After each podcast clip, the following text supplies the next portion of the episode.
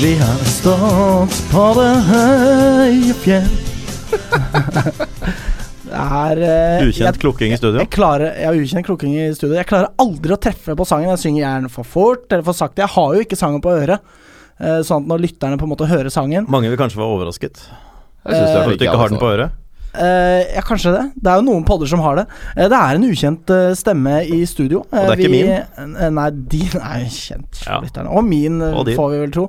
Vi har med oss Tord Mikael Drosjek Amble Amundsen. Hei! Hei, hei! Velkommen. Jo, takk du. Det er mange og, navn. Jo, takk for, jo, og takk for uh, Håper å si Hva skal jeg Altså, jeg ble litt satt ut der, jeg, for du er en av få som jeg kan telle på fingra som har klart å uttale det navnet riktig. Jeg har skrevet det ned og øvd, da. Men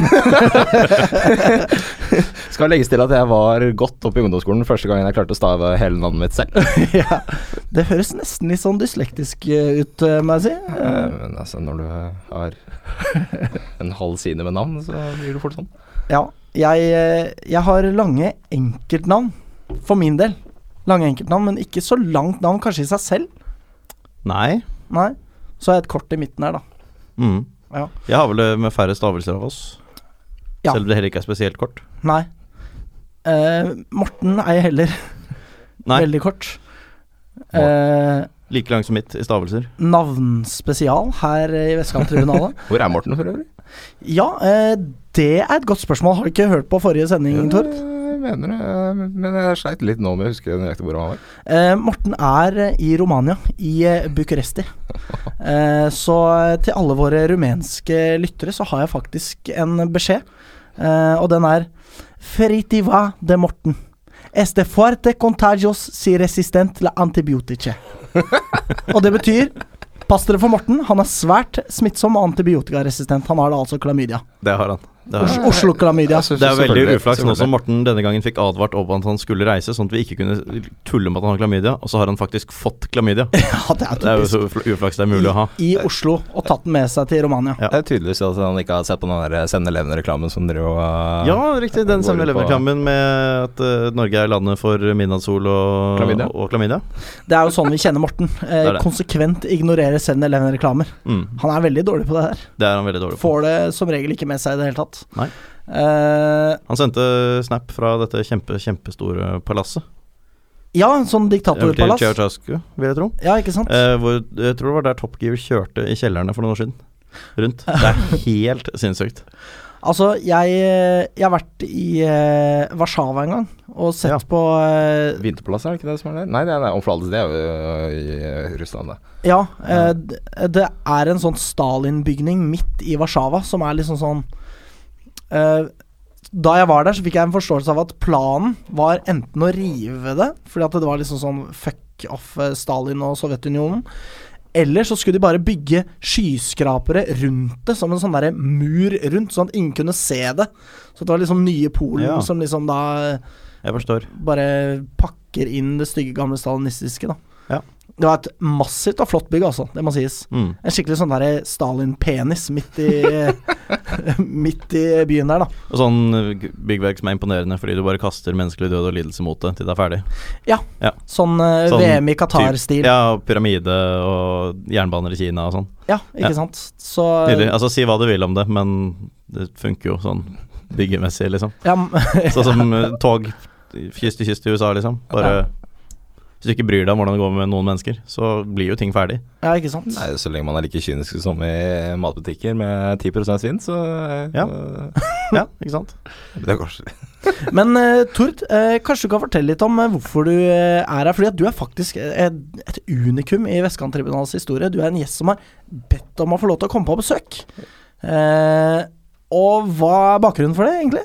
Jo, det er jo det at uh, vært veldig interessert i radio og podkaster i lang, lang, lang, lang tid. Og har eh, lekt med tanken om å starte min egen podkast, og er veldig nysgjerrig på hvordan dette her fungerer. Hvordan dere gjør det. For jeg, hører på, jeg hører på dere hver uke, så og kjenner dere jo, så da var det jo lett å spørre dere. Ja, vi har, vi har, altså du For de som ikke kjenner deg, du har jo vært Hei! Hei! Et uh, kjent lynansikt. Jo, Vi satt jo i styret sammen, gjorde du ikke det? jo, stemmer det. Jo. For i 2013 Det kan godt stemme, ja. For det var rett før jeg hadde innrykk, for da eh, Jeg måtte jo hoppe av jeg, Hei! Høy! midt i sesongen. Ja, stemmer det. det. Var det du som kom inn da? Ja, Det kan faktisk være. altså, Du var vara. Du var ganske lei etter året før, mente jeg å huske. Og så var ja, greit, jeg kan være vara. Og så bare hei! Så kom du tilbake inn. Det må Ja, sies at året før var jo også Vara og havna inn på den samme måten. Mm. uh, så eh, det var jo ikke akkurat uh, Da var jeg på en måte lei før jeg hadde prøvd engang. Ja. Men de som kjenner deg, Tor, de vet jo at du er jo laget av kjeks og isopor. Så eh, eh, har du en eh, ny skade eller en eh, skavank ved deg selv du kan berette om denne gangen? Jeg, skal, Eller? jeg må bare si det først, at jeg pleier jo hver gang jeg møter deg, å spørre hvordan du har skadet deg nå. Og nå har det vært i hvert fall altså, to, kanskje til og med tre ganger jeg har møtt deg uten at du har gått på krykker. Ja. Og jeg synes jo det er noe annet, urovekkende. Eller- eller noe annet, ja. Sting i ansiktet eller armen eller Ja. Og det, jeg har jo syntes det har vært ganske skremmende. Jeg lurer på hvor har det blitt av min gode venn. Ja. Men i dag Så kommer jeg tilbake på krykker. på krykker. ja. Og det er altså så gøy. Så lenge det ikke er noe veldig alvorlig. Nei, da hadde det også vært litt Ikke gøy, gøy, men ikke Magnus. Jo, det er ganske gøy at Nei, men alt blir bedre straks man ler av det. Ja, ikke sant. eh, Men, eh, ja, men da tenkte jeg kjapt at eh, For dere vet jo det at jeg har skada meg på um, alt mulig klønete måter. Så ja. kjapp gjettekonkurranse. Hva har skjedd nå? Trenger dere noe sånn background-historie på det? Overkjørt av golfbil. N nei. Ok. Eh, kan det kanskje ha noe med eh, Altså, det, det er i beinregionen, i hvert fall. Ja, det er foten, nærmere bestemt venstre fot. Er det, det Har det med noe dyr å gjøre? Nei. Tenk Har du krasjet? klønete. Mest mulig klønete. Trapp? Har du, Verre, vil jeg si, egentlig. har du sparket til en bowlingball som du trodde var en fotball? Nei. Nei. Skal jeg avsløre det? Jeg tror nesten du får Jeg avsløre det. tror nesten. Ja. Jeg mistet en søppelbøtte på stortå. Hold kjeft! Det blir useriøst. Du har gjort det bare for å glede oss, du. Bare for å være kongruent som person. bestemt En del av en søppelbøtte. For dette viser seg å være sånn Du vet den der med fotpedal og lokk på, som du kan tråkke på, og så går, eh, Mm. går den opp. Jeg skulle tømme den, og så, øh, så Da holder jeg jo føttene rundt øh, bøtta sånn at den blir på bakken, og trekker posen opp. Men det, det som viste seg, var at innvendig denne så var det sånn metallsylinder som du skal da beskytte bøtta for å bli bulket. Aha. Og den blei med opp, og tatt ned. Rett på tåa. Den var veldig tung, da, eller? Ja, altså det var jo sylinder av rustfritt stål, vil jeg tippe. Ja, men fordi jeg ser for meg en sånn liten sånn der toalett... Uh... Nei, men denne her bøtta var jo kanskje 60 cm høy, da. 60-70 Ja. cm høy. Ja, ikke sant. Så ja. Ja, nei, det er dustete. Jeg er enig med det. Ja, jeg tenker at Hvis du kommer på legevakt med noe sånt, så tror jeg det er sånne ting de må skrive i kategorien annet. Jeg tror liksom ikke de har en egen boks hvor de bare krysser av på Å ja, metallsylinder fra søppelkasse på foten. ja nei, Jeg tror det, det er sånn du må spesifisere. Det skjer. Eh, Men ikke så veldig ofte. Mest med deg. ja, ja, det har jo alle som kjenner deg, fått med seg.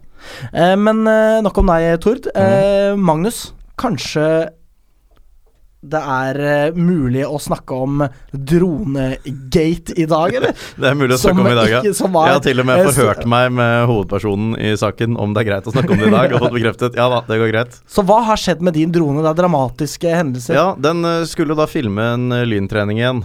Eh, jeg hadde ikke mulighet som har for vane å gjøre. Ja, ikke sant? Uh, og jeg hadde ikke mulighet pga. en eh, grillfest jeg skulle på, så jeg lånte den bort til Lyn-TVs Thomas, Thomas Noreng. Tidligere, tidligere tekniker, tekniker, ja. for programmet. Uh, kanskje også tekniker om ikke så lenge igjen, en- som vikar. Vi skal spørre ham. Vi spør ham med dette om det. Eh, men kan du være tekniker? Hmm? Thomas kan jo være tekniker. Ja, ja, ikke sant? Jeg satser på det. Men uh, han lånte i hvert fall uh, dronen. Uh, jeg var hos ham. Eh, lærte ham opp ganske grundig hvordan det gjøres. Og han hadde jo fløyten tidligere, da, på trening eh, før. Eh, så han sa ok, men da, da prøver jeg det. Så får jeg en telefon idet jeg gjør meg klar og skal gå ned på denne grillfesten. Um, eh, den er borte. Ok, hva faen er det du mener, liksom? Nei, den bare stakk av. Den bare, den bare rygget i 30 meters høyde utover Altså, bare forsvant. Jeg får en litt sånn der Will Smith eh, AI-feeling. At liksom Ja. Det er sånn der eh, Det heter kanskje ikke sentiente på norsk. I hvert fall sånn eh, selvbevisste roboter Mm. som tar over samfunnet. da Ja, og, og det her var Det hadde da rett og slett bare stukket av. Og du kan jo tro det var en stresset Thomas Noreng jeg snakket med. Uff så det endte jo med at jeg ikke dro på noen grillfest. Min far også ble med i bilen, kjørte bort, og så dro vi rundt og lette og lette og lette i alle mulige gater og kriker og kroker. uh, uten hell. Ja. Uh, og måtte jo da til slutt gi oss etter eh, to-tre timer, eller noe sånt. Herregud. Ehm, og det var altså veldig, veldig spesielt, da. Jeg har aldri hatt et eneste problem med den i det hele tatt, liksom. Og masse sånne sikkerhetsmekanismer skal hindre at det ikke kan skje. Ehm, men måtte da bestemme oss for at da får Thomas Noreng kontakte produsenten. Fordi dette var jo fløyet liksom på hans profil, da, ikke sant. Eh, så derfor så var det naturlig at han kontaktet dem fremfor meg. Eh, og så fikk man da etter mye om og men sendt inn en sånn uh, flight log og så videre, da. Eh, og fikk bekreftet at det her var en produksjonsfeil. Ja. Og nå i dag har jeg fått bekreftet at den, den er nå på vei med jeg tror det var DHL fra Nederland. En ny. Ja, en ny, altså. Ja, du får en ny. Det var, får ikke, en ny den- ikke den samme gamle som Nei da, for ble den, funnet den, i en sko skog? den ligger vel på et tak eller et eller annet, tenker jeg. uh, så, for den forsvant jo i 30 meters høyde, og den kan eh, fly noen kilometer før den lander. så, så, eh, men jeg får i hvert fall ny, da. Så det, det endte jo lykkelig. Altså, har du oppdatert liksom sånn der eh, eh, politi-Twitter-kontoer jevnlig siden da? Det, jeg gjorde det mens vi holdt på. Det gjorde jeg i hvert fall. Ja. Det verste er jo hvis Det er jo liksom en, en liten greie om sånn ganske mange sikkerhetsmekanismer som ikke skal kunne falle rett ned. Det skal ikke Mm. gå an. Den skal lande urolig og forsiktig når batteriet holder på å gi seg. Ja. Uh, men, eh, og er for liten til å gjøre noe sånn voldsom skade. Men du blir jo stressa, selvfølgelig. Bare sånn, ja, den, ja, Der stakk den i retning Ullevål sykehus sin helikopterlandingsplass, liksom. altså, det er jo skummelt hvis den flyr rett inn i en sånn no flight zone. Ja, det er jo det. Er jo det. Uh, og det har den jo liksom liggende inne på GPS-en. Den vil jo nekte å fly inn f.eks. på Gardermoen. Okay. Uh, for dette er en sånn relativt avansert. Altså en, en enkleste og billigste og minst avanserte fra den beste produsenten, på en måte. Så den har jo da lagt inn bl.a. at den nekter å fly inn der. Den vi nekter å ta av, vi nekter å fly inn på sånt, øh, på sånt område. Men når alt svikter, så, vet man jo ikke hva det kan finne på, da. Så rent hypotetisk kunne den bare tatt en fin streif rett over hele paden på, I prinsippet så kunne det det, ja. på Ullevål der, ja. Sånn i prinsippet. Ja. Men jeg har jo fulgt alt av, og Thomas også har jo fulgt alt av, øh, av reguleringer for det. Uh, men uh, når det der svikter fra produsent, så er det jo ikke noe man får gjort med det. Så, fader, men det, det så endte jo godt, da. Men det var ganske stressende, akkurat den telefonen. Det kan jeg se for meg, og eh, Thomas Noreng eh, kan jeg se for meg blei jo sikkert knust, da. Syns at det var veldig kjipt. Ja, han er jo en så snill fyr òg. Det er jo Så akkurat det- det. Han er jo en av Bastionens to snilleste. Ja, det er Kanskje den snilleste Jeg vil tro at det fluktuerer litt. Ja, Hvem er de andre to? Det er Henrik Gaudenak. Henrik, Henrik Gaudenak. Ja. ja. Det vi kan vel være enige i at de er ganske snille gutter. Ja. Så øh, Ja, nei, er veldig, veldig glad for at det endte godt. øh, Men vi holdt jo rundt Holdt jo på rundt der ganske lenge, da. Mm. Gikk forbi, gikk inn på Bislett og så og sånn, og så Anna Pellegrino kom forbi og Jeg tror ikke han har fått med seg hva som hadde skjedd, da, men uh... Ja, så han var sikkert glad og fornøyd, ikke sant? Ja, ja, ja, det og var så han. jo. fortalte dere om hva som hadde skjedd, og så Nei, vi, vi, ble han gjorde ikke, vi gjorde ikke det. Nei, det, skån ham han for det, kanskje Ja. like greit, egentlig. Ehm, men det var da en produksjonsfeil som lå i bunnen her. Mm. Så det Noe med kompass Ikke sant. som kan Eh, kalibreres, men det har jeg gjort jevnlig. Og for de mest oppmerksomme av våre lyttere, de vil nok eh, legge merke til at eh, vi drøyer å snakke om Lyn. Fordi hvorfor skal vi ødelegge en så fin sommerdag som dette helt ennå? Nei, jeg er Jeg ser ikke helt poenget. Eh, for eksempel, Magnus, hvordan var turen din med svigers eh, til eh, hvor det enn var? Langesund. Langesund, ja. Ja, det var veldig fint. Langesund. Eh, dro til Stavern dagen etter, også veldig fint. Mm. Det er jo så fint der nede. Meget fint. Jeg Ja. til og med bodd der. Ja, riktig. Hvor Har du bodd der? Stavern, Ja. Jøsse navn. Ja, nei, men altså i forbindelse med Fredriksvern, eller? Nei, bare Nei, i forbindelse med høyskolen som ligger der. Å ja, jeg skjønner, jeg skjønner. Nei, det var veldig hyggelig. Jeg bodde på Langesund bad, sånn gammelt ærverdig badehotell. Og var på Ja, ikke sant, jeg har fortsatt lyst til å kalle det Wright-gården, for de skriver sånn, men riktig gården, da. Det skal uttales. Eh, og eh, Veldig mye bra konsert. konserter der. Ja da, det er det. Vi hadde sånn plass eh, oppe i annen etasje vi liksom, vi satt og spiste underveis. da Så vi var helt ytterst, så vi hadde jo helt perfekt utsikt. Veldig god mat, veldig hyggelig. Så jeg koste meg med det. Det var ikke noe som ødela helga di underveis, eller? Eh, hva tenker du på? Tenker du på Lyn, eller? Nei, vi vil ikke snakke om det. Nei. Nei. Nei, hva, hva er det du tenker på sånn faktisk? Jeg Nei, jeg tenker tenkte på Lyn, da. Men. Du tenkte på Lyn? Ja, eh, ok, ja, ja, nei, da, nei Jeg trenger ikke å snakke om det. Ja, det var jo hjemme i Oslo innen det skjedde, da, for så vidt. Ja, ikke sant. Men uh, en veldig hyggelig tur. Ja. Sto halvannen time to på i to kilometer lang kø. Fordi alle som skulle på E18 til Sørlandet til sankthans, måtte kjøre over gamle Breviksbrua. Ah, Men uh, utover det, ganske fint. ikke sant. Så hyggelig, da. Ja. Eh, man tror hva Morten driver med akkurat nå. Det er jo kanskje litt ufint mot deg, da, Tord, å snakke så mye om hva Morten Det driver med. Det synes jeg. Jeg vil anta at han har sovet lite. Det vil jeg tro. Vært eh, på fylla. Mm. Fått klamydia? Jeg tror han hadde med seg klamydia. Han hadde med seg klamydia. Ja. Spredt klamydia. Spredt klamydia. Mm. Hva med gonoré? Ja, det, Det det har har, kanskje pleier han å pådra seg der nede. Han pleier å ha med det ene og få det andre der nede. Ja. Og flatløse? Og flatløse og herpes 1 Og 2 Og tre. La oss inderlig håpe De som ikke har vært på Bastionbuss uh, i rett anledning, de eh, skjønner jo ikke hvorfor vi sier dette. Men det synges jo da iblant. Blant annet eh, Jeg oversatte jo til tysk da vi hadde tyskere på besøk. Ja. und zwei und drei. Det var en, en veldig omtrentlig oversettelse, Veldig syns jeg husker. Ja, det var det. Uh, ondt flatløsa, for eksempel. Jeg tror ikke det heter det. Flasslås. Nei, jeg vet ikke. Jeg bare prøver. Ja. Eh, for min del så eh, har eh, Jeg ble, jeg ble busta av konsulenten forrige sending. Fordi hun eh, hører jo på. Mm. Eh, og jeg erklærte jo min kjærlighet til Runa Lillegård. Eh, så jeg måtte svare for dette, da. Ja, jeg skjønner. Jaha, du elsker altså ikke bare meg. Nå er hun 16 år gammel eller noe sånt, da. Ja, Også. så det var, er jo på en måte en slags sånn fotballbasert elsk. Men det er klart, jeg, man kan jo ikke forvente at folk som ikke er fullt så opptatt av fotball som en selv, forstår det. Nei, alle, vet vel, alle vet vel alderen på Runa Lillegård, vet du? Uh, Nei, jeg tror ikke det. Nei, litt usikker så er på konsulenten. så er det nok mer er enn 16 også, tror jeg. Men Jeg gjetter på at hun er omtrent kanskje 17 maks. Noe sånt. Men øh, Og utover det så lider jeg litt av øh, football fatigue, som jeg velger å kalle det. Et Ja, syndrom som jeg er kaller football fatigue. Jeg er litt øh, lei av fotball. Lei av fotball? Det er VM. Midt under VM? Ja, det er akkurat det. Jeg liksom Jeg kjørte så jævlig hardt på til å begynne med, og nå merker jeg at det er liksom litt vanskelig å følge med på kampene. Jeg Mm. merka det samme da jeg så på Lyn Skarp, det kommer vi dessverre tilbake til etterpå. Men mye av disse VM-kampene Liksom Jeg blir eh, litt sånn eh, Ja, hva skal jeg si? Jeg klarer liksom ikke helt å følge med, da. For min del så har det gått eh, rett i motsatt retning. At eh, nå begynner jeg å lure på hvordan det skal gå etter VM. Ja, akkurat, ja.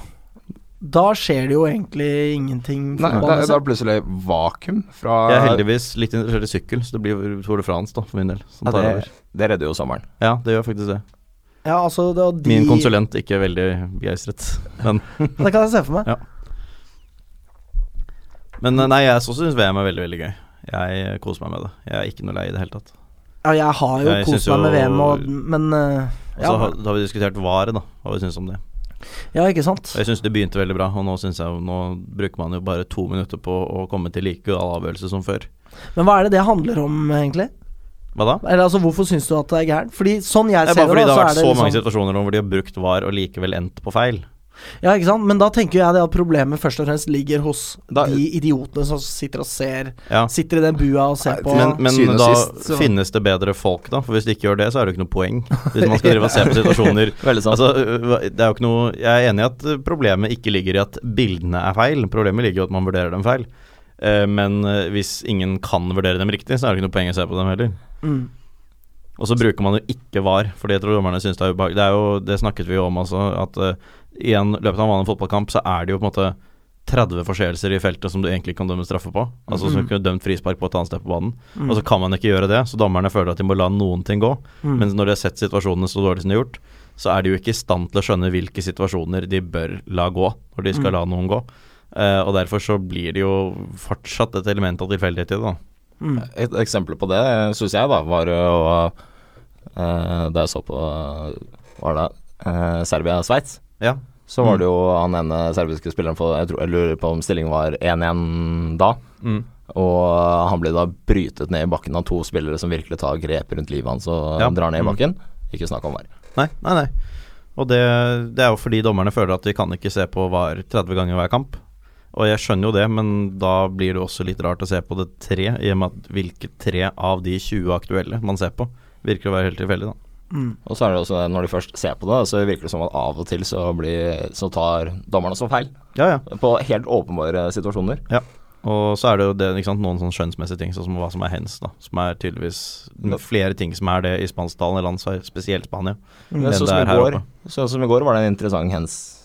Hvilken kamp snakker du om? eh, da? Eh, da snakker jeg om eh, Eller foregårs? Eh, Nei, i går. Eh, okay. Argentina-Nigeria. Mm. Eh, hvor jeg mener at det var Jeg arrester meg hvis jeg tar feil, men jeg mener at det var eh, en argentinsk spiller som går opp i feltet for å eh, klarere med hodet.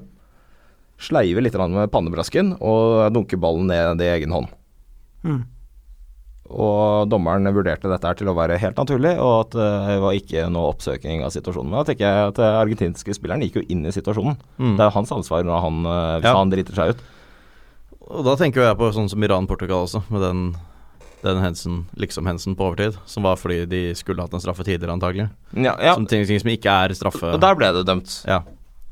Så det er helt eh, Ja, jeg syns det er fryktelig irriterende, i hvert fall. Ja. Men det er klart, det er jo et gode. Det er jo en god ting. Det er, egentlig så klager jeg jo på at det brukes for lite, på sett og vis. Ja. Så jeg innser jo at det har en form for fremtid. Men utover VAR kan vi bare eh, Jeg vil bare understreke hvor eh, sublim den situasjonen hvor eh, Messi får eh, ballen spilt Og det er jo selvsagt Messi, da. Får ballen spilt eh, mot seg. Han løper, demper den på kneet. Det er helt sykt. i, i, samme, st- I samme steget tar neste touch. I, det- i samme steget. I lufta. Og mens han tar disse to touchene, så akselererer han. Ja, da.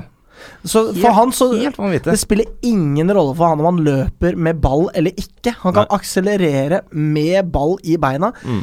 Og ta to touch uten at ballen berører bakken. Det er helt latterlig, liksom. og det er jo så typisk da at liksom ja, Alle har snakka dritt om Messi i VM så langt, og eh, altså Han har prestert under det han egentlig er kapabel til, men Ja, i går så viste han jo hva han kan. Ja, virkelig.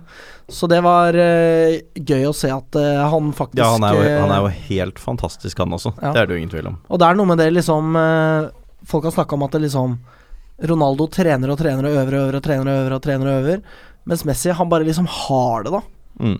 Jeg Jeg, jeg ser ingen poeng i å Ikke noe poeng i å snakke om hvem som er best, og hvem som ikke er Det fører liksom, aldri noe godt med seg. Nei. Man kan eh, like den ene, og man kan like den andre. De er fantastiske Og så fotballspillere, må man egentlig like begge litt, syns jeg. Altså sånn som fotballspiller, Ja. så syns jeg det er vanskelig å, å hakke på den ene. Man kan være enig om hvem som er best, men det er jo enormt, da, begge to. Mm. Det er det ikke noe tvil om. Det er jo snakk om nyanseforskjeller, liksom hvem er et bitte, bitte lite hakk foran. Begge er jo helt ekstreme. Who the fuck cares, liksom? Ja, det også, selvfølgelig. Ja. Det er jo helt enestående at vi har to av da tiendes beste fotballspillere i sin prime samtidig. Mm. Altså, eh, hvem som helst av dem der mener jeg ville ha spilt uh, buksen av alle tidligere legender, egentlig. Garantert. Um, jeg lurer på om vi kanskje skal gå videre. sin, ja, men, ja, men det ligger i saks natur. Ja, vi, ja, er, det gjør det. vi er fuckings irritert på Lyn, da.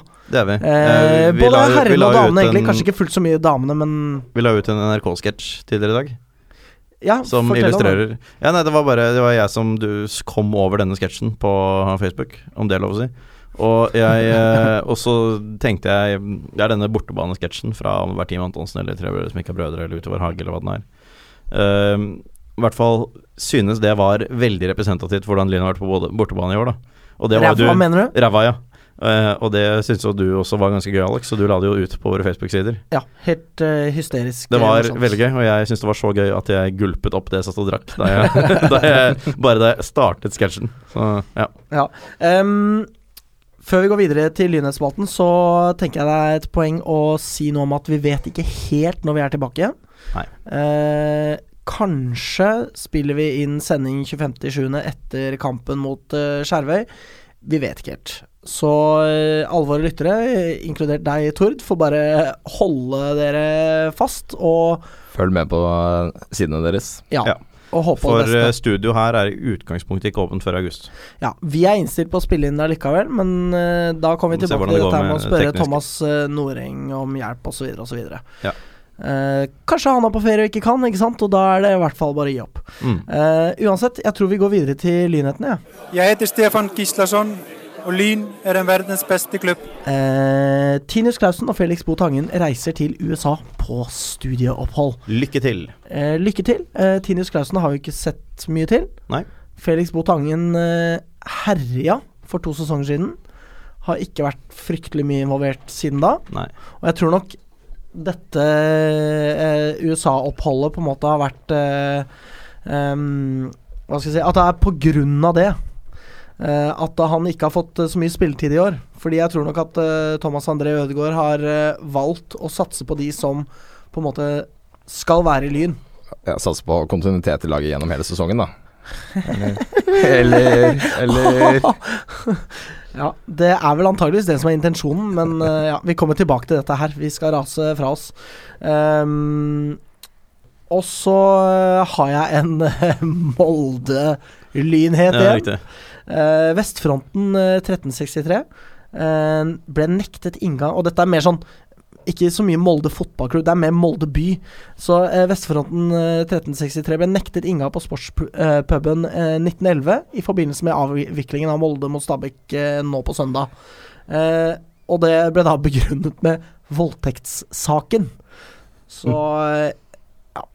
Ja. Eh, Som jo ene og alene er noe Molde har klart å lage en eh, mediesuppe ut av. Skal vi bare legge til veldig fort hvem Vestfronten 1363 er? Er ikke det Stabæk Ultras, da? Jo, Det er det. Ja. Bare fordi de er ikke det man på Har jo hørt om Stabæk Inferno og sånn, Ja. men Vestfronten 1363 er kanskje ikke alle som kjenner til. Og så må jo jeg si det at det, det de på en måte eh, presterer å skrive på sosiale medier, er kanskje ikke like fint. F.eks.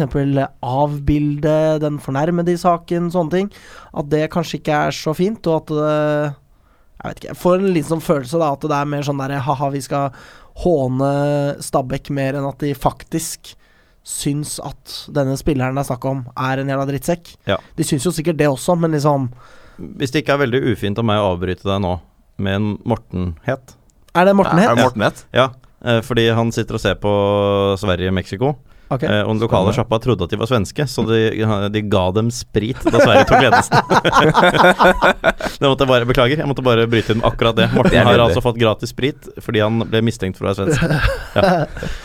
Jeg, da går jeg ut ifra at han bare takket og smilte og Ut fra hva han hadde i hånden på bildet, så ja. Og svarte og, og svarte Det var- det var altså sprit- ta- takk- sprit. Takk så mye. Ja, ikke sant? Og det var sprit, ikke penis, hvis noen lurer.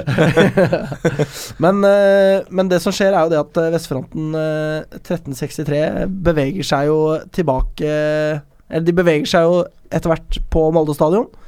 Eh, og eh, bannerne får faktisk lov til å henge i fred. Forglemmelse, tenker jeg. Nei. eh, men det som eh, da skjer, er det at eh, det kommer noen og truer med å ringe til Stabæk. eh, og truer med å få politiet sendt opp på tribunen og sånne ting. Ja, da. riktig. Men da er spørsmålet Å gjøre hva? Eh, Ja, det kan du si. Det kan du si, jeg vet ikke. Kanskje Molde-politiet er like idiotiske som alle andre i Molde. Jeg vil jo anta det, da. Mm. Eh, så, Jeg tror vel egentlig ikke det har gjort noen ting. Det er bare sånn man truer med. Ja, ja, det, så, Det er jo sånn som de gangene det har blitt kalt politi på oss på Lynkamp, liksom. Og så Mm. kommer de dit og så bare Dere var jo kjempehyggelige gutter. Håper dere har et veldig fint liv videre. Det har jo ikke skjedd noen ting. Vet du, vet du noe om hva som sto på bannerne? Nei, men det er jo det faste vante. Liksom sånn Ja. Si nei til voldtekt og disse tingene, da. Mm. Um, men så jeg tenker Molde, nå har det vært stille lenge. Kunne vi ikke bare liksom holdt det sånn? Eller var dette liksom Jo, altså jeg skjønner ikke Moldes behov for å dra opp dette med vi er pro voldtekt hele tiden. Nei, Jeg syns det er underlig, liksom. Altså, folk må gjerne være pro Nei, det må de vel egentlig ikke. hold det, Det- for Nei, ok, greit nok. Men Ja. eller, altså, i den grad man er det, så gjør det alene. Uh, I ditt eget hjem. Uh, ikke på Ikke skyv det på noen andre. Det var det jeg mente å si. Mm. Ja, så Ja, det var litt dumt ting av meg å si, kanskje. Uh, Fins det noen andre lynheter her, eh, Tord? Har du noen? Jeg skal ærlig innrømme at eh, det står det stille for meg. Altså. det, jeg Ja, du- ikke det, det, det har ikke vært så mye som har skjedd som jeg har klart å fange opp, i hvert fall. Da tror jeg vi bare hører med Magnus, ja, sånn at Ja, kommer oss for jeg har jo mine, jeg har mine faste innslag, da. Om, eh, jeg har litt om damelag, for jeg skrev fortsatt i Lynespalten. Men eh, jeg har juniorlag og annet lag. Ja. Um, altså Juniorlaget hadde friuke, så der har det ikke skjedd noe for Lyns vedkommende direkte. Men eh, Koffa spilte derimot og slo Oppsal i toppoppgjør. Og da er de forbi Lyn. Ja, Um, Men med én kamp mer spilt, da? det er riktig, for Lyn tar sannsynligvis ferie på tabelltopp. For den eneste gjenstående kampen for Lyn er nestjumboen Greåker borte i morgen, torsdag. Mm. Uh, deretter er det pause helt til 9. august. Ja. Så det høres uh, lovende ut. Det, har ikke, det er jo et, At ett av de to lagene vinner i den toppkampen, det har jo egentlig ikke så mye å si for Lyn. Nei, uh, altså eventuelt at et av dem ikke får Hadde jo vært ideelt med uavgjort, Ja. kanskje, da. Det kunne vært det, men uh, det lever man greit med. Ja. Uh, Andrelaget slo Ullern 2 og har nå sommerferie. Um, det er bare syv poeng opp til serieleder Heming. Um, opprykk skal jo da likevel en god del til. Hvis Mm. det i det hele tatt er teknisk mulig da med førstelagets opprykk. Det er en forutsetning. Um, 16 poeng ned til Romsås, som er under streken. Og vi vet jo at Romsås har litt utfordringer med å stille lag. Ja. Så ned ser det ikke ut til at andrelaget kan gå. Det er det viktigste, egentlig. Egentlig, det er vel egentlig det om juniorlag og andrelag. Det er ikke noe poeng å bruke mer tid på det enn det. Nei, men uh, ja. hadde jeg en liten ting. Mm. Ja. Eller liten ting og liten ting. Eh, Jeg bare så på tabellen og terminlisten og sånne ting. Og neste kappen for Lyn 2, det er mot lag som jeg aldri har hørt om før. Som jeg ble litt nysgjerrig på. Oslo-juvelene. Oslo. Ja, jeg- for jeg, jeg kjenner en som spiller der. Eh, eller har jeg spilt der. i var hvert fall. Ja, det er Jeg vet ikke helt Jeg, jeg innbiller meg at det er fra Grenland de fleste er der. Er, er, Nei, det står eh, Jeg gikk inn på nettsidene deres okay. i går, og da er det da Telemarks stolthet i Oslo. Ja, riktig. Ja, det er jo Grenland. Altså Telemark. Ja, det er jo ja. uh. Eh, og det Jeg uh, kjenner en uh, der som en opprinnelig litt sånn lyngutt fra Oslo vest, som heter Carl Felix Kraft. Jaha. Og han uh, har spilt for Oslo-juvelene. Uh, og det er ganske Jeg syns egentlig det er et relativt sjarmerende lag. Uh, det er sånn kompisgjeng da som har startet det, og de har jo kommet seg relativt høyt opp sånn sett. Jeg innbiller meg at de kanskje var oppe i tredjedivisjon en gang i tiden. Jeg lurer på om de var det i 2016, ja, og så røk de da uh, divisjonene ble uh, Altså da man halverte antall avdelinger nedover i divisjonssystemet. Mm. Men ganske Jeg syns også at det var et sånn artig tilskudd i eh, Ja da, i listen. Det, det syns jeg. Og hyggelige gutter etter det jeg eh, kjenner til. Så hyggelig, da. Eh, er det da noen flere lynheter, eller kan vi eh, hoppe over til den deprimerende damelagsdebatten? Det kan vi gjøre. Uff da. Hold dere fast, eh, lyttere.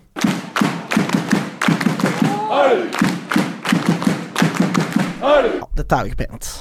Nei, det er ikke det. Dette er ikke pent i det hele tatt. Eh, det eneste lyspunktet jeg kan eh, finne denne runden, er det at eh, Stabæk taper i tillegg til Lyn. Og da er jo Ja, that's it, egentlig. Mm. Alle andre henter poeng, så Lyn eh, kan potensielt overta en niendeplass eh, med en seier i hengekampen. Men det virker jo ikke veldig sannsynlig, skal jeg være helt ærlig. Det skal jo sies at det er veldig tett eh, på den tabellen. Ja, det er det. Eh, det er dessverre allikevel sånn at Lyn er i ganske dårlig form, og det ser mye styggere ut nå enn hva det gjorde for en uke siden. Mm. Eh, så taper jo heldigvis Gran Bodø i tillegg. Ja, så da altså, er avstanden Lyn- ned til direkte Skal vi nevne Lyn samme. taper for Trondheimsøren? For det har vi ikke nevnt. Ja, det, Ja, det ligger under her, men så lyttere får det med seg. Ja, Lyn taper da altså for Trondheim-Søren. Utligner til 2-2 i- det 89. minutt, og så taper på overtid. Ja, da er vi på en måte videre i Lyn Trondheim-Søren. Det starter jo med å bli 1-0 til Ørn. Ja. Og så blir det, er det utligning ved Johanna Bekkelund. Fantastisk flott navn, da, gitt. Mm. Ålstad Bekkelund, til og med. Ikke sant? Eh, men så blir det 2-1 til Jørn, og det er jo etter sigende da ganske fortjent at det blir 2-1 til Jørn. Mm. Eh, og så i det 88. minutt, yes, så utligner Lyn ved min kjære Runa Lillegård. Eh, og så holder det jo ikke med ett poeng i denne kampen, men ett poeng er jo tross alt bedre enn null poeng. men lite visste vi at eh, to minutter på overtid så putter Trondheim-Søren, og Lyn taper. Og det er på en måte krise i emning, da. Ja. Eh, allikevel for, altså, Det vi jo har snakket om hele sesongen, er det at det det, det handler om i år, det er å beholde plassen. Mm. Det bildet er jo ikke endra. Nei, altså rykke direkte ned virker jo ekstremt usannsynlig. Eh, for Grand Bodø Nå er man halvspilt, det er jo bare tolv lag i avdelingen. Eller de, avdelingen, også kjent som toppserien. um, men uh, man er halvspilt, og Grand Bodø har tatt tre poeng. Det er jo godt stykke ned. Så de må jo ta over dobbelt så mange poeng i andre halvdel av sesongen for å ta igjen Lyn, selv hvis Lyn tapper alt i høst. Ja. Så det er klart det skal mye til for at det her uh, blir direkte nedrykk. Og den kvaliken pleier jo toppserielaget å ha ok kontroll på. Ja. Så jeg tenker det at frem til da så må uh, førsteprioritet være det å klare å karre seg over kvalik. Tiendeplassen, rett og slett. Ja. Tiendeplassen eller oppover. Det er det. Og gjør man det, så er, tenker jeg det at man må kunne se på det som en suksess. Ja. Eh, Lyn har jo Grand Bodø borte i årets siste bortekamp. Nest Mm. siste kamp i det hele tatt, så jeg håper jo ikke at det blir avgjørende.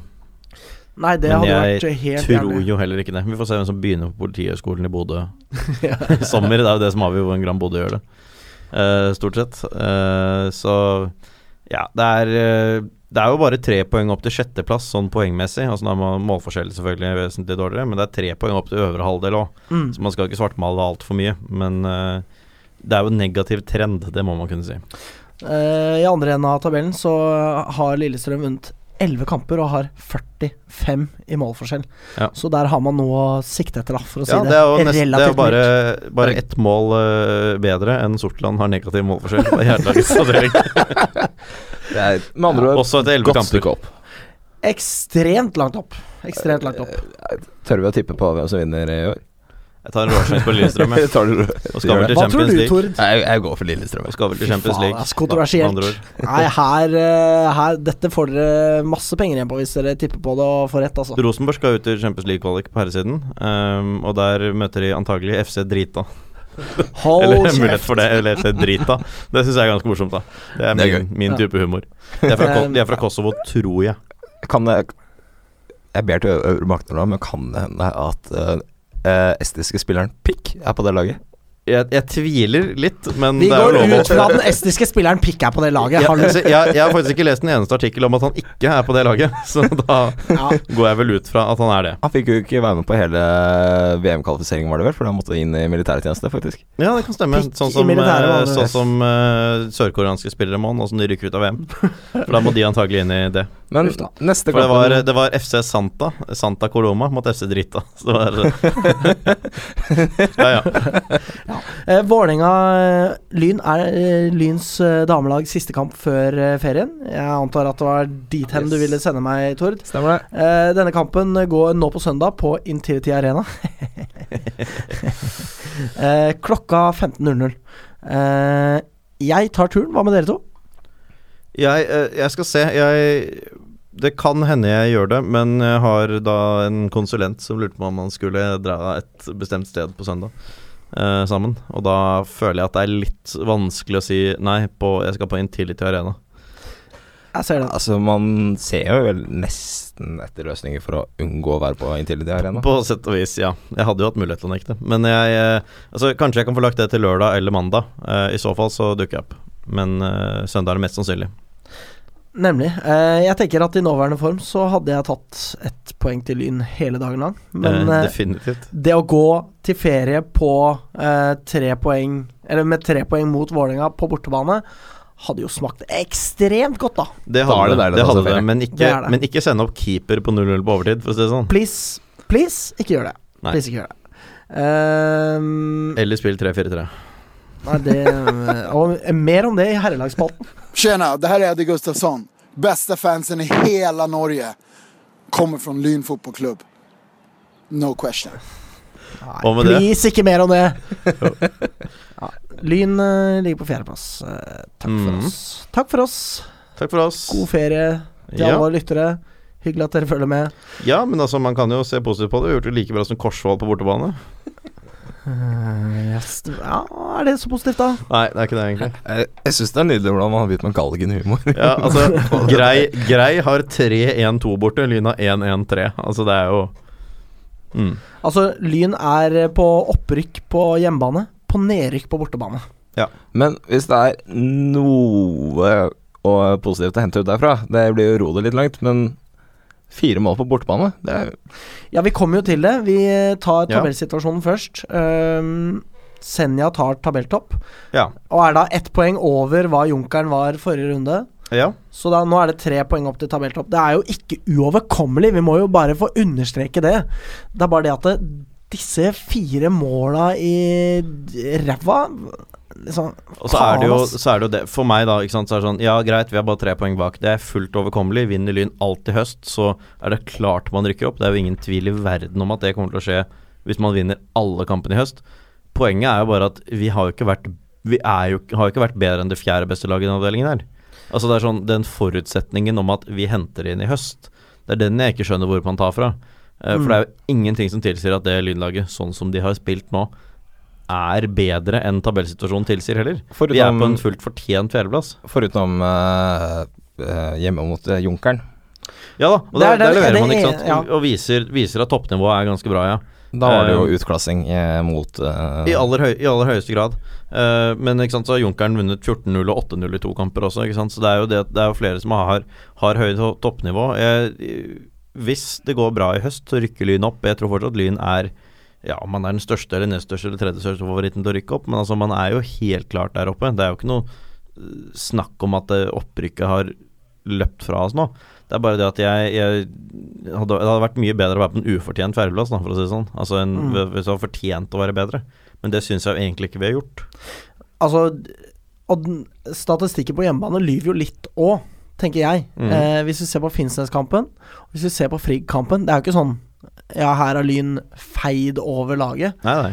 Eh, lyn per nå føler jeg er dårligere enn hva Lyn var for et år siden. Og da syns ikke jeg det er feil at Lyn ligger på fjerdeplass. Det er kanskje snarere feil at vi er tre poeng bak tabelltopp, da. Mm. Ikke sant. Um, Junkeren taper for øvrig, uh, så der Takk er lov. eh, er det redusert til ett poeng bak. Ja. Vi har jo da en serieleder som har skåret ni mål på hjemmebane etter Altså til sommerpausen. Ja, Det er lite, altså. ekstremt lite. Lyn har for øvrig sluppet inn ett mål på hjemmebane. Det er veldig bra. Det er jo sterkt. Er. Eh, misvisende, men sterkt. Ja. Um, Frigg eh, spiller uavgjort mot Korsvoll, så nå ser det ut som det er en aldri så liten luke kanskje på vei Eller altså i emning. Fra de fire Champions League-plassene ned, ja. ja. ja, det blir gøy å eh, spille kvalik på Champions League når Lyn ender på fjerde. Ja, men Så det er tre poeng ned til Frigg for Lyn på fjerdeplass, eh, og så er det tre poeng opp til tabelltopp igjen. Det er ikke kvalik lenger, vet du. For fjerdeplassen i Premier League, f.eks. Nei, det er Ja. akkurat. Mm. Så da går vi rett til Champions League, altså. Utrolig gode nyheter. Eh, neste runde møter Senja på tabelltopp eh, Stålkam. Det er jo riktignok veldig lenge til. Og Junkeren møter Fløya, så det er toppoppgjør. Eh, Så er og Frigg nå- møter Finnsnes. Ja, og så er det noen kamper nå til helgen. Jeg vet ikke hvor mange det er. Men f.eks. vår motstander i forrige kamp, Skarp, jo, har jo ikke sommerferie ennå. Nei. For det er noen som begynner en uke senere enn de andre etter pausen. Altså Nedrykkslaget. Skarp, mener du? Nedrykkslaget Skarp, ja. Mm, som vi spilte 4-4 mot. Riktig. Ja, de møter, altså Korsvoll Skarp går nå til helgen, f.eks. Akkurat. Mm. Så det er jo irrelevant. Ja. Eh, ja, det er usannsynlig, kanskje, at eh, Lyn inntar tabelltopp neste runde, med tanke på at eh, Senja spiller mot uh, Som jo ikke gjør det veldig sterkt. Det er ett poeng over nedrykk. Ja. Eh, men eh, hvis eh, Senja eh, ryker mot eh, og Lyn vinner, da er Lyn på tabelltopp. Hvis ikke Junkeren eller Fløya, på en måte. Hvis ingen av dem vinner. ja. Som jo nok ikke nødvendigvis er så sannsynlig. Ja, Det er, det er ikke u direkte usannsynlig at de spiller uavgjort mot hverandre. Nei. Nei. Eh, Altså Summa summarum, Lyn er tre poeng bak, ikke sant. Og det, jeg driter jo når vi tar tabelltopp, så lenge vi har den etter 26 runder. ja. Det er det som- som betyr noe. Ja. Ja. Vi så jo i fjor hvor lite det betyr å lede etter 25 runder, på en måte. ja. Ja. Så Og så uh, tape de to siste avgjørende mot båndlagene. og- ja, surre det bort med uavgjort de to siste. Ja, Tor, ja. det er en kjempetabbe og en blunder Mm. som gjest å trekke opp det der. Toppskårer Så da går Toppskårer i avdelingen er fortsatt, fortsatt Vital Curtis Kaba fra Frigg med 11 mål. Uh, bak ham har vi fortsatt Ivar Unnhjem fra Junkeren med 10 mål, og Krøvel Vellevold fra Finnsnes med 10 mål. Riktig. Og på tredjeplass eh, Vellevold. Fjerdeplass fjerde, Fjerdeplass. Ja, det, det har jeg faktisk ikke. Er det Emil Det er eh, eller? Sondre Bergstedt Sondre Flåt Flåt, ja, eh, Skarp, som ja. spiller for Skarp. Eh, Han har putta på én ekstra Ja. siden sist. Mot Eh, to mot hvem? Og så har vi Anwar Pellegrino på åtte mål, som da tapper hos Lyn.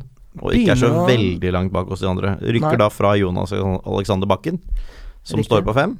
Og bak der har vi Eirik Haugstad på fire. Riktig. Eh, det er jo da spilt elleve runder, så åtte på elleve. Jeg syns at han leverer eh, helt eh, decent. Ja, helt Anwar klart. skal ikke ha noe skyld. Nei. Hvem som skal ha skyld? Ja, det kommer vi tilbake til.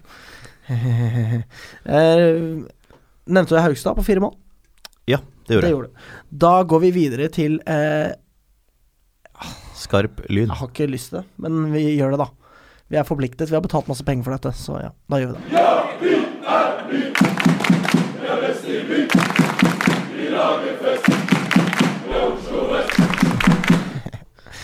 Dette ble heldigvis en litt sånn fronttung sending, sånn tidsmessig. Altså, vi Ja, brukte var- mye tid i starten, og det var veldig deilig. For Det var med vilje. Det er jo bevisst, da, for å unngå å snakke om dette. Det er, altså, vi satt uh, ute på Gåsa i stad, tok en pils. Gåsen. Beklager. Gåsen. The Goose, som Goose, jeg det skrev du det skrev meg, ja. uh, fantastisk eh, deilig vær. Sommertemperatur i Oslo by. Uh, Og vel så det. og vel så det. Eh, den globale oppvarminga gjør eh, greia si. Eh, og vi koser oss eh, ute i deilige deilig Oslo. Nå sitter vi i et klamt studio. Døra har gått igjen av seg sjøl her. Vi svetter i hjel. Og Skal snakke om at eh, Jeg gjør gjerne det. eh, at eh, Skarp har eh, tapt 1-1. Eh, eller Lyn har tapt 1-1 mot Skarp. Og som jeg nevnte i stad, jeg har jo fotballfatigue. Vanskelig å la seg rive voldsomt med av å se en regntung, et regntungt Tromsø eh, på stream. Når jeg selv sitter i sommerfarmen i Oslo, liksom. Mm.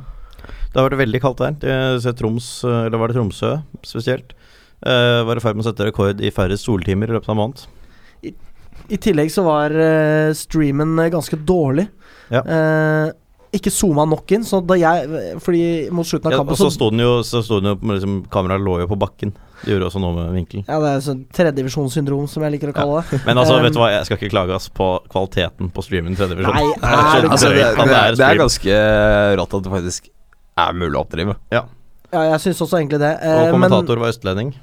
ja, det var jo litt spesielt. Mm. Eh, og det, eh, men fordi jeg syns det var litt vel eh, utzooma. Ja. Eh, så det jeg gjorde, var eh, eh, Var at eh, jeg så slutten av kampen på eh, mobilen min.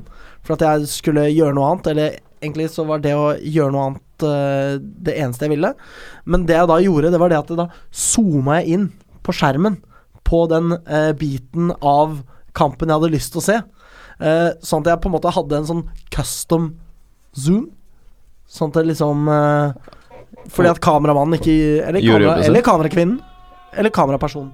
Her skrikes det i studio. Det er Det er VM, scoring, eh. Ja. VM uh, utafor døra her. Men så, eh, så eh, Det var egentlig eh, ikke så mye som holdt øynene mine på denne streamen, da. Rett og slett. Uh, Lyn spiller for øvrig med 3-4-1-2, så man går jo bort fra dette med tre på midtbanen. Jeg vurderer ikke liksom denne eneren foran disse to nødvendigvis som en den treeren vi har savna.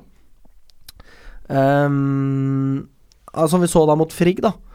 Um, og kampen starter da for øvrig med at Lyn uh, skårer uh, etter en corner av Oskar Martinus Hansen, Uh, hvor det er krig foran mål, og Anwar eh, vinner denne krigen og smeller ballen i mål. Ja. Eh, og det er jo eh, gøy, det. Og Lyn klarer å putte på til 2-0 eh, etter en flott stikker til Anwar fra mm, samme Oskar, eh, som eh, sender eh, Anwar i en eh, Altså på venstrekant gir han en stikker som han da tar forbi keeper og setter i mål. ja, altså Eh, ingen. Og det holder i pause. Det gjør det.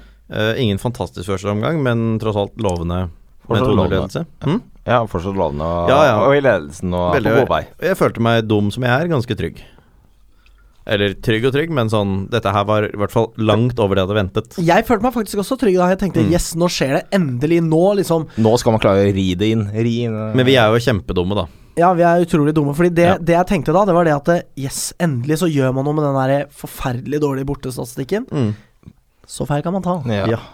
Og et skremmeskudd kommer i form av en straffe til Skarp. Jeg syns det er litt Jeg har sett eh, høydepunktene i ettertid. Eh, syns nok at eh, når man Og nå viser jeg i studio her, når man har armene her og får ballen i henda, da er det ikke straffe. Det Nei, hvis den kommer rett i front der, og du har hendene foran brystet og blir Den ville egentlig ha truffet brystet, da, hvis ikke det. hendene var der. Ja, det er Mikkel Tveiten som får ballen i henda kanskje 10 cm fra brystet. Det dømmes straffe av en usedvanlig svak dommer. Eh, og da er det jo bare én ting eh, Sondre Flått gjør. Skårer. Skårer. Ja. Og da er det skremmeskudd. Men Mikkel Tveiten legger inn, og Gjemmestad møter innlegget. Eh, og putter. Og det er 3-1. Og da tenker man Midtveis i ok. annen omgang og tenker nå Ok, dette her går greit likevel. Nå har man litt pusterom. Men så Så, så tar det altså syv minutter Altså det går fire minutter etter Gjemmestads mål, da. Men elleve minutter etter at Lyn går opp til 3-1, så leder Skarp 4-3. Det er så latterlig Det er- det, det er skjer i løpet av syv minutter. Helt utilgivelig, altså. Det er helt utilgivelig. Og det, det var så, så rart å se på. For absolutt alt Skarp gjorde Altså hvis de rettet bitte litt på et leggskinn, så skåret de. Altså det skulle ingenting til. Alt bare raknet. Det var fullstendig kaos. Altså hvis man hadde hatt Hvis det hadde vært håndball, da man kunne ta timeout, liksom, Mm. så hadde det Det hadde vært veldig nyttig her, tror jeg. Nå må vi bare slappe av i noen sekunder her. For dette er helt krise. Jeg har ikke sett det rakne så totalt, liksom. Og det er Altså Lyn er så helt pinlig. paralysert og bare står og ser på. Får lov til å minne om at Skarp har ti poeng. Mm. Lyn har 23, nei 22. Ja, og de ligger nest sist, gjør de ikke? Jo, nest sist. Minus fem målforskjell. Ja. Burde være forskjell der. Ja. Burde være mulig når man har den 2-0, eller 3-1-ledelsen Mm. midtveis andre omgang, og sikre den på et eller annet vis. Og, det, Virkelig. og det, er, det, er jo, det er jo spøkelser fra sesongslutten mot Korsvoll som kommer tilbake igjen, ikke sant? At man ikke klarer å sikre inn en seier. Hvorfor gjør man ikke det? Det, det er så fryktelig irriterende. Man snakker, liksom, man snakker om at man har muligheten til å forsvare seg med fem bakover, men man gjør jo ikke det. Neida. Konsekvent ikke, ikke sant? Nei. Og da blir tre bakover jævlig dumt når du har fått to i ræva i løpet av hvor mange minutter? Fem minutter? Ja, fire minutter mellom Ja, fire fire minutter, ikke sant? Fy faen, jeg, jeg klikker, ass. Det er så irriterende. Mm. Hvorfor skal Lyn være så ræva på bortebane? Det Nei, og så ser en man jo akkurat hva som svikter. Altså Det er så enkelt at selv jeg skjønner jo hva som går gærent, liksom. Jeg sier ikke at jeg nødvendigvis hadde klart å fikse det selv, men jeg ser jo hvor det svikter. Og det virker ikke som man adresserer det i det hele tatt. Og det er liksom Altså, man er på en måte dogmatisk eh, på vegne av en formasjon, ikke sant? Det er, det er eh, nesten sånn fundamentalistisk tro, da, på at eh, 3-4-3 er liksom det riktige for Lyn, men eh, Altså, det handler jo om én mann, og det er Thomas André Ødegaard. Uh, og når Lyn er på fjerdeplass halvveis i en svak avdeling, så tenk, tillater jeg meg å tenke det at det liksom Det handler om egoet til Thomas André Ødegaard. Uh, fordi Lyn har henta spillere, ikke sant? og det virker jo som om det har vært svaret hele veien. At man skal hente nye spillere og hente nye spillere og hente nye spillere. Men man, man får ingen uttelling på det. Lyn henta masse nye spillere før sesongen som eh, kom nå, og hva er eh, resultatene? Hva, eh, hva er fasiten? Det er at man er dårligere. Og Ja. da, da tenker jeg det at det liksom For det snakkes om kontinuitet, ikke sant. Og jeg mener fremdeles det at kontinuitet er fuckings dritviktig. Det er det som er nøkkelen til opprykk for Lyn. Ha relasjoner til hverandre ute på banen der. At man forstår det. hverandre. At det ikke Ja. blir noen sånne duste misforståelser. Altså pasning på tvers over mellom stoppere og blir brutt, eller Ja, er, eller annet dust. Ja, det er akkurat det. Og den kontinuiteten eh, får man eh, ved å eh, holde fast på spillere som er gode, eh, og man får det ved å ha en eh, eh, taktisk tilnærming som funker med det spillematerialet vi har. Mm. Eh, og nå er det jo faktisk sånn at Lyn starter denne kampen med Benjamin Nesjø Nyheim på stoppeplass. Han er stopper. Ja. Joakim Pedersen Strand, han er back. Eh, og Mikkel Tveiten, som er wing. Ikke Mm, sant? ja, ja. Det er Lyns tre stoppere. Og når da på en måte eh, man har og lynmidlene i ryggen, og man ikke har tre stoppere til rådighet, så lurer jeg fryktelig på hva det er man tenker. Hvorfor har man ikke, ikke? Altså, Hvis det er sånn at man vil spille 3-4-3. Så, så må man jo ha spillere som passer den formasjonen. Ikke sant? Og eh, Altså, Forsvaret blir jo på en måte bare ett eksempel, ikke sant. Eh, Hvorfor spiller Haugstad på wingback, ikke sant? Er det hans posisjon i det hele tatt? Jeg tror ikke det. Nei, i, så fall så må du I så fall, hvis han skal spille på wingback, så må du gjøre ham til en type wingback. Altså Så må du gi ham instrukser om å bruke det han er god på. Altså Hele poenget med Eirik Haugstad på det nivået her er at han har skikkelige ekstremferdigheter, så han kan ta helt fullstendig av hvis du bruker ham riktig. Mm. Og da må du ikke bruke Haugstad og prøve Kan du Altså, jeg vet at du egentlig er førstedivisjonsgod, men kan du prøve å være tredjedivisjonsgod i en annen posisjon? Altså, det er ikke sånn du skal bruke ham. Og så lurer jeg veldig poenget? på Da kan vi bare ha hatt en vanlig tredjedivisjons-wingback, da. Hvis vi skal bruke vår, en spiller som er langt bedre enn nivået, til å spille noe han ikke kan. Altså, det blir jo faen meg Skal vi hente inn en eliteseriekeeper og be han spille spiss? Det er liksom samme prinsippet for min del, da. Og jeg lurer veldig på eh, hvorfor eh, Eirik Haugstad spiller wingback den ene kampen, og så spiller han spiss den neste. Mm. Når han da ikke kan spille denne såkalte wingspiss-posisjonen. Mm. er ikke det det ideelle stedet hvor han skal spille fotball? Jo, jeg syns på det. Jævlig, jævlig oppgitt, ass. Det er jeg også. Og jeg, jeg Altså, nå har vi hatt fem ræva kamper på rad, da. Altså, vi hadde Det var jo Jeg husker ikke all, hvem alle disse kampene har vært mot, men vi har hatt fem dårlige kamper på rad nå. Vi har vel vunnet to, spilt uavgjort og tapt to Mm. av de siste fem. Uh, og det mot, også mot Korsvoll har vi surret, vi har surret mot Finnsnes, vi har surret, altså vi har surret i så mange kamper nå. Vi surret på Senja. Uh, nå, da må man gjøre noe. Altså, det holder fordi- ikke. Det, Nei, ikke det holder det er- ikke. Og vi kan snakke om det ja, det er Målet er ikke å overleve. Bare de siste fem kampene, men det er halvparten av kampene nesten. Altså det er fem av elleve kamper. Mm. Det er lenge nok. Det er, det er nesten halve sesongen til nå. Så har det vært dårlig uten at det ser ut som det har skjedd noen ting. Nå skal man legge fra 3-4-1-2 og, og 3-5-2 osv., men det er jo ikke det som utgjør noen forskjell. Nei. Og det jeg frykter, er jo det at vi, vi vet jo at Thomas André Ødegaard ble ansatt med en toårskontrakt. Eh, første året er unnagjort, andre året er ikke unnagjort. Eh, hvis eh, Thomas André Ødegaard er en sta jævel, som det jo virker som at han er, så tror jeg nok at han finner på å bli i Lyn ut sesongen, selv om eh, på en måte alle som kan krype og gå, er enig i at eh, 3-4-3 har utspilt sin rolle, da. Ja, og jeg, jeg ønsker jo at dette skal gå bra. Altså, Jeg har jo ikke noe behov for at Thomas André Ødegaard personlig ryker ut av klubben, men Lyn kan ikke holde på sånn som nå. Lyn kan ikke bare være et sånt prosjekt lenger. Nei. Det har vi rett og slett ikke råd til. Vi har ikke tid til det. Man kan gjøre det i klubber hvor om man rykker opp i år eller neste år eller om to år eller om tre år, ikke egentlig har så mye å si. Men For oss Lyn så har det det- mye å si. Ja, for Lyn så har det så Altså, jævlig har mye så å si. mye å si for engasjementet videre rundt klubben. Blant alle Altså, det var veldig mange i fjor og året før der som var på tampen av sesongen var sånn Rykker vi ikke opp nå, så, Ja, ja. så, så, så er det ferdig. Ja. Da er prosjektet, comeback-prosjektet ferdig. Ja. Og altså Hvis Lyn spiller 4-3-3, så kan de gjerne spille det med Thomas og Rødegård på sidelinjen. Det er ikke det som er poenget for min del. Poenget for min del er at altså, vi kan ikke bare øve i år også. Nei, og det er én ting som betyr noe denne sesongen her. Det er opprykk. Det, det er opprykk. Det er det eneste, som, betyr noe. Jeg gir ting. faen i om eh, Eller ikke sant, altså Hvis spørsmål liksom, Spør meg hva jeg velger av opprykk og ut, spillerutvikling. Selvsagt ville jeg tatt begge to. Hvis valget mellom at spillerne skal utvikle seg eh, Hvis valget er mellom at spillerne skal utvikle seg og opprykk, så gir jeg så langt faen i utviklinga til disse Ja. spillerne, ikke sant? Og eh, eh, jeg, ba- jeg bare fordi uansett, da, så klarer man ikke å ivareta denne kontinuiteten. De beste spillerne til Lyn forsvinner ut igjen og igjen og Ja, ja. igjen og igjen. Vi så det før denne sesongen. De beste spillerne til Lyn har, forsvant. og det har Thomas André Ødegaard sagt, at det Når noen vil ha våre spillere, så er det fordi vi gjør en god jobb med dem. Og de Men er klare for å ta skritt videre. Nei, og, og jeg kan skjønne at vi mister spillere, men at vi Altså, hvis de blir for gode, så skal de til Eliteserien, liksom. Hvis de blir gode nok for det, så skjønner Mm. jeg at de går dit.